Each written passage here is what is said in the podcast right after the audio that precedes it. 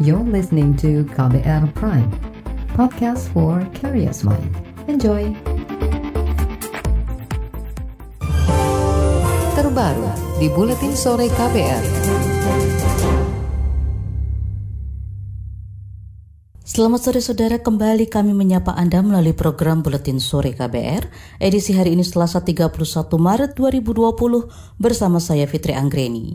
Kami telah menyiapkan sejumlah informasi terkini, di antaranya pemeriksaan kesehatan WNI dan WNA dari luar negeri bakal diperketat.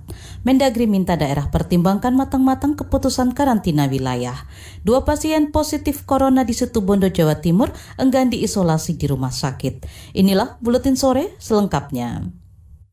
Pemerintah bakal memperketat pemeriksaan kesehatan ribuan pekerja migran dan kru kapal yang kembali ke Indonesia. Presiden Joko Widodo mengatakan pemeriksaan WNI dan WNA dari luar negeri harus dipantau sesuai protokol kesehatan. Saya menerima laporan dalam beberapa hari ini, setiap hari ada kurang lebih 3.000 pekerja migran yang kembali dari Malaysia.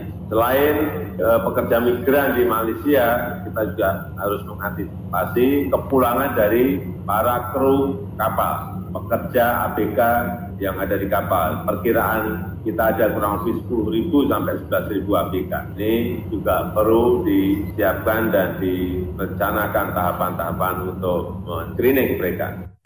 Presiden Joko Widodo memastikan WNI dari luar negeri yang pulang ke tanah air akan otomatis berstatus orang dalam pemantauan atau ODP, meskipun kondisi yang bersangkutan sehat.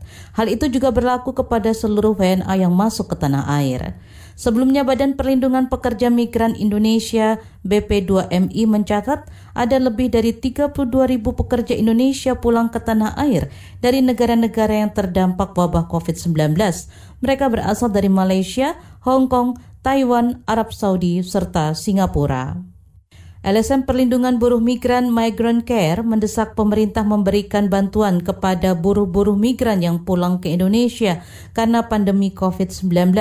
Direktur Eksekutif Migrant Care Wahyu Sesilo mengatakan para buruh migran saat ini menganggur.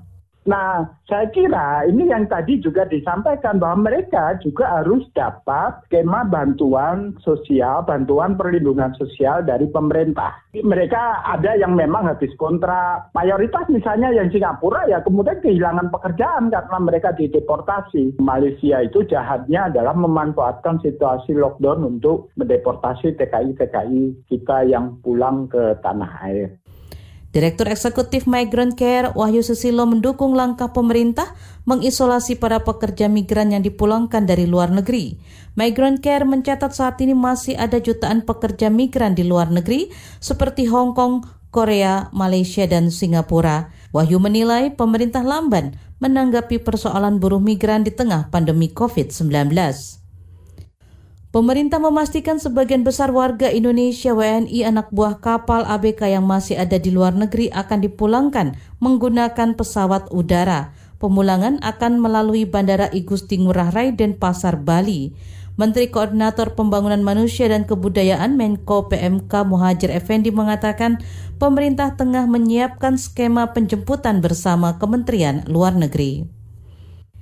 Masih terkait dampak COVID-19, Saudara Kementerian Desa mengklaim telah menggelar banyak kegiatan padat karya di beberapa wilayah untuk mendorong perputaran ekonomi masyarakat di tengah penyebaran COVID-19.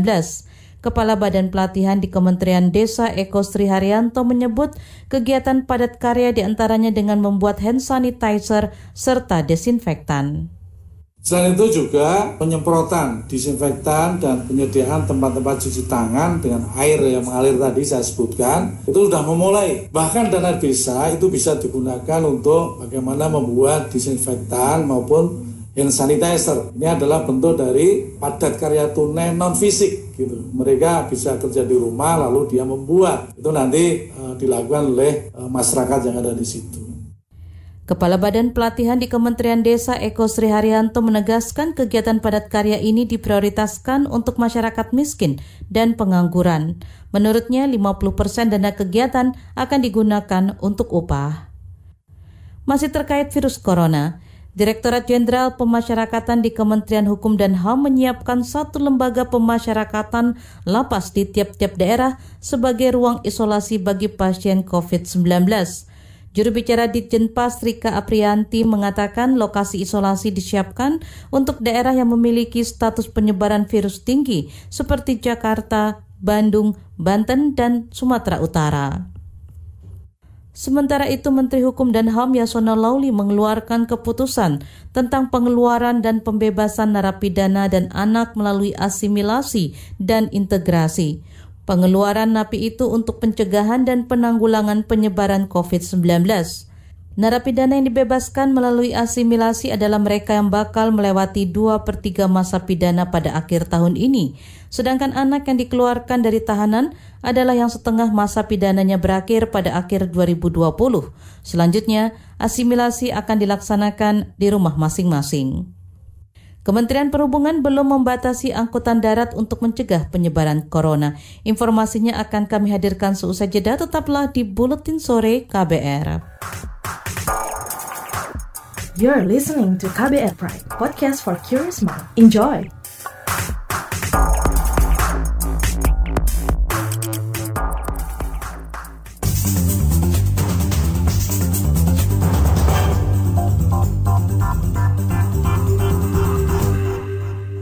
Saudara, sejumlah daerah baik setingkat kabupaten kota maupun provinsi mulai menerapkan skema karantina wilayah guna mencegah penyebaran COVID-19. Menanggapi hal itu, Menteri Dalam Negeri Tito Karnavian meminta daerah berkomunikasi dengan gugus tugas percepatan penanganan COVID-19 sebelum mengeluarkan putusan pembatasan wilayah. Khusus karantina wilayah ini diatur dalam undang-undang tersebut uh, merupakan kewenangan dari kementerian. Menteri itu adalah menteri di ayat 1 disebutkan menteri yang menangani masalah kesehatan artinya menteri kesehatan. Untuk itu jika ada pembatasan-pembatasan yang itu berasosiasi dengan isolasi, tolong dikomunikasikan dengan dan diusulkan dengan kepala gugus tugas percepatan penanganan COVID-19 ini dan nanti situ akan lakukan evaluasi lintas menteri Menteri Dalam Negeri Tito Karnavian mengatakan pengambilan keputusan karantina wilayah harus dipikirkan secara matang lantaran akan memiliki dampak lanjutan pada perekonomian warga. Di antaranya akan banyak restoran tutup, pengemudi kehilangan penumpang, dan lain-lain. Kementerian Perhubungan memastikan hingga saat ini belum ada kebijakan pembatasan angkutan di tengah pandemi COVID-19. Direktur Jenderal Perhubungan Darat Budi Setiadi memastikan meskipun belum ada pembatasan tetapi sejumlah perusahaan transportasi darat khususnya bus sudah mengurangi jumlah armadanya. Ini dilakukan karena permintaan penggunaan transportasi umum berkurang drastis. Ya, untuk angkutan umumnya, katakan tidak ada pembatasan juga sekarang di beberapa tujuan. Terminal di Jawa Tengah memang ada beberapa yang naik gitu, tapi sebagian juga ada yang turun juga gitu. Tapi semuanya kan sudah diakui tadi malam kan oleh Asosiasi Pedagang kaki lima Jakarta. Memang sebagian besar itu bukan mudik itu mereka. Mereka pulang ke kampung karena itu tadi Dirjen Perhubungan Darat Budi Setiadi. Sementara itu sejumlah moda transportasi lain sudah mulai membatasi jumlah perjalanan dari Jakarta menuju sejumlah wilayah di Indonesia, di antaranya moda transportasi kereta api dan pesawat. Proyek kereta cepat Jakarta-Bandung dipastikan terus diselesaikan meski terganggu pandemi COVID-19. Menteri BUMN Erick Thohir mengatakan proyek transportasi publik menjadi salah satu proyek prioritas pemerintah. Menurut Erick, transportasi merupakan salah satu kebutuhan utama penduduk di Indonesia. Selain proyek kereta cepat, Menteri BUMN Erick Thohir juga mengatakan mega proyek pembangkit listrik 35.000 MW termasuk yang diprioritaskan pemerintah. Meski begitu, Erick mengatakan kementeriannya akan memilah-milah proyek yang bisa terus diselesaikan dan yang mana harus ditunda. Kita ke informasi mancanegara. Perusahaan otomotif asal Amerika Serikat Ford Motor Company berencana memproduksi 50 ribu alat bantu pernafasan ventilator selama 100 hari ke depan. Ventilator itu diharapkan dapat memenuhi kebutuhan sebagian besar pasien COVID-19 dan bergantung pada tekanan udara tanpa membutuhkan listrik. Ford Motor menyebut desain ventilator telah disetujui Badan Pengawas Obat dan Makanan FDA Amerika Serikat. Sebelumnya sejumlah rumah sakit di Amerika menyebut kekurangan ventilator. Bahkan di tengah meningkatnya jumlah kasus corona, beberapa rumah sakit memaksakan penggunaan satu ventilator untuk dua pasien. Laporan khas KBR tentang derita penyandang disabilitas di masa krisis COVID-19 akan hadir seusai jeda. Tetaplah di Buletin Sore KBR. You're listening to KBR Pride, podcast for curious mind. Enjoy!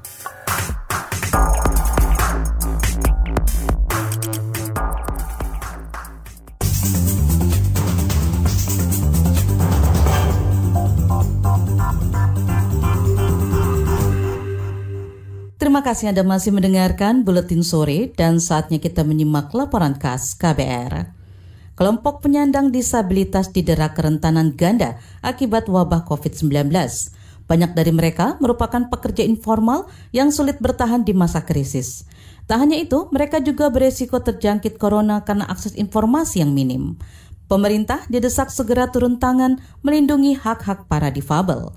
Simak laporan yang disusun tim KBR yang dibacakan Reski Mesanto.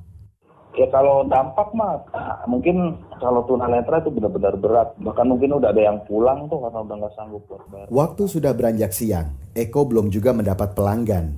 Difabel netra ini membuka usaha panti pijat di rumahnya di Bekasi, Jawa Barat. Sejak merebaknya COVID-19, pendapatan Eko terus anjlok.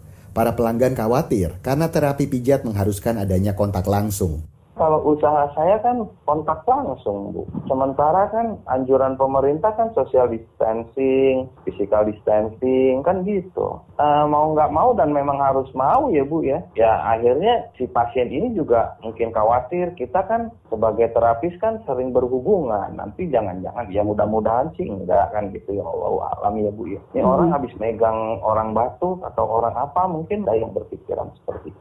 Eko pasrah jika pekan ini pemasukan kembali seret Ayah dua anak ini bakal tetap membuka panti pijatnya walau sepi pelanggan. Nah, hmm. begitu di pertengahan Maret 20 persen. Nah, yang ter yang parah ini ya minggu kemarin ini saya cuma dapat tiga pasien 230 ribu. Biasanya saya dapat sejuta sejuta lima puluh ribu, sejuta dua ratus gitu. Per minggu ya? Uh -uh ya udah saya ya mau gimana lagi kita udah coba eh, infoin kadang infoin lewat WhatsApp gitu tapi ya mungkin mereka juga khawatir lah bu jaga-jaga mungkin. Kini Eko sekeluarga mengandalkan pendapatan istrinya untuk memenuhi kebutuhan sehari-hari. Ia berharap ada bantuan dari pemerintah agar kaum difabel mampu melewati masa-masa sulit COVID-19. Uh, saya terus terang ini saat ini aja buat buat bayar listrik bulan ini saya juga masih mudah-mudahan Allah masih kasih saya jalan gitu aja bu. Kalau bingung ya kita mau gimana lagi gitu loh bu. Udah sekarang kita mau mau apa lagi kita juga bingung gitu loh. Ya yang ada ya kemarin uang dari istri ya kita beliin yang kebutuhan pokok dulu. Bulan ini listrik, bulan air, gitu. kewajiban lain ya. Bismillah aja lah bu. Selain rentan secara ekonomi, penyandang disabilitas seperti Eko juga beresiko tertular virus corona. Apalagi distribusi informasi tentang penyebaran dan pencegahan COVID-19 sulit diakses para difabel. Saat ini kelompok penyandang disabilitas menyusun prosedur pencegahan dan penanganan yang lebih baik. Berikut pernyataan Rina Prasarani dari Persatuan Tuna Netra Indonesia atau Pertuni kita pastikan bisa diterima oleh teman-teman tunanetra, yaitu mereka yang bisa mengakses uh, informasi secara audio atau raba, yaitu braille, lalu teman-teman tuli yang perlu ya yang dapat dilihat oh. dan juga teman-teman yang uh, disabilitas intelektual. Bagi kami yang tunanetra ya cara mencuci tangan yang benar saja belum tentu semua tahu. Dan juga penyebarannya memang uh, harus dipikirkan bersama bagaimana itu bisa menjangkau semua warga negara orang dengan disabilitas mental ini contohnya adalah orang-orang dengan skizofrenia, bipolar, depresi berat, orang-orang dengan ansietas berat, eh, orang-orang dengan Penyandang disabilitas mental juga tak kalah rentannya terhadap ancaman wabah corona. Yeni Rosa Damayanti dari Perkumpulan Jiwa Sehat mengatakan, para difabel mental di panti-panti sosial sulit menjaga jarak aman sebab jumlah penghuninya sudah terlampau padat. Selain itu, penyebaran virus juga berpotensi ditularkan oleh pegawai panti staf panti itu kan nggak tinggal di sana ya. Banyak staf panti yang tinggal di rumah masing-masing datang ke sana pada saat tugas jam kerja gitu. Itu kekhawatiran juga itu kalau misalnya nggak ada protokol yang ketat, staf panti itu bisa ngebawa uh, virusnya ke dalam kan dia akan pulang ke rumah bisa dapat gitu ya terinfeksi virus dan dia bisa bawa virusnya ke penghuni panti yang hidup berjejal-jejal itu tadi itu satu kena kan bisa kena semua ya Menurut Yeni banyak panti swasta terutama di wilayah Jawa Tengah yang masih memasung pasiennya. Mereka hidup dalam kondisi jauh dari layak sehingga ketahanan tubuhnya lemah. Nah itu juga masalah sanitasi. Belum lagi masalah gizi. Beberapa tempat-tempat atau panti-panti yang di Jawa Tengah misalnya gizinya kan sangat buruk sehingga banyak yang malnutrisi. Nah ini juga memperlemah daya tahan tubuh mereka. Selain itu banyak dari mereka yang pu yang punya penyakit bawaan apalagi panti-panti yang menerima orang-orang yang berasal dari jalan ya uh, yang tadinya itu gelandangan gitu. Sementara itu Dirjen Rehabilitasi Sosial Kementerian Sosial Hari Hikmat berjanji mengupayakan bantuan bagi penyandang disabilitas. Heri lantas meminta ada pendataan terhadap para difabel. Selain itu, ia bakal mendorong swasta untuk ikut membantu sebagai bentuk tanggung jawab sosial perusahaan. Saya mencoba berupaya menyampaikan kepada Pak Menteri agar ada bantuan khusus untuk penyandang disabilitas, termasuk juga bantuan sembako dan bantuan nutrisi. Demikian laporan yang disusun tim KBR, saya Reski Mesanto. Informasi dari daerah akan kami sajikan seusai jeda tetaplah di Buletin Sore KBR. You're listening to KBR Pride, podcast for curious mind. Enjoy!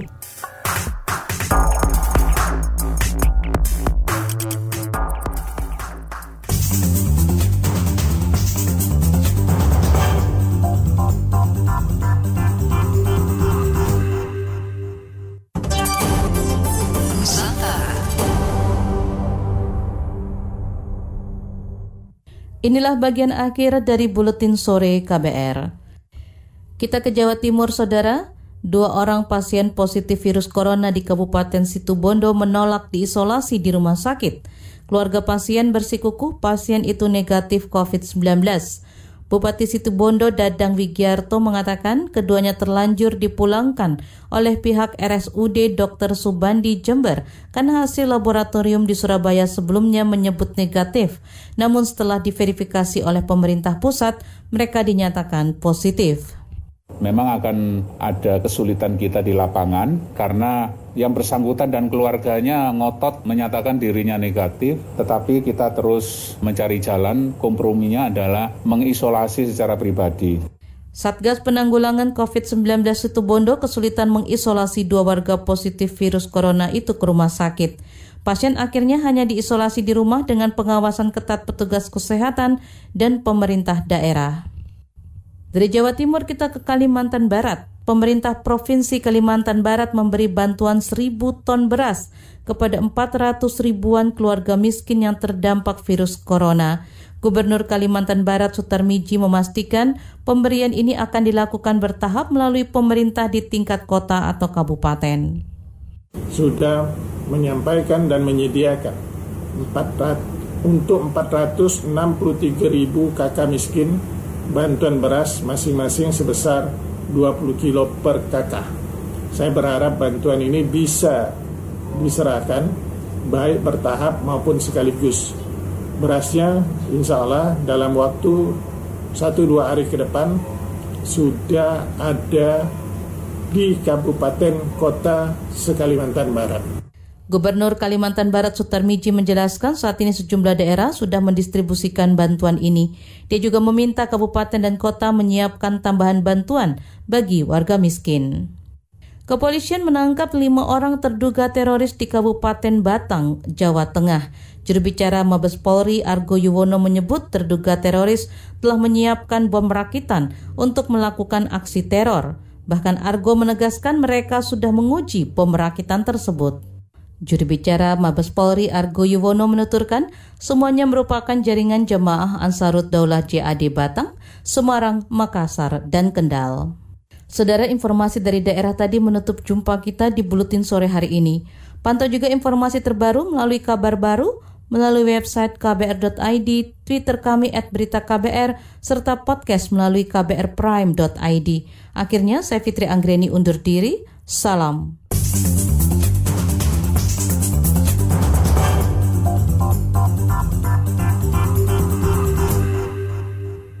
KBR Prime, cara asik mendengar berita. KBR Prime, podcast for curious mind.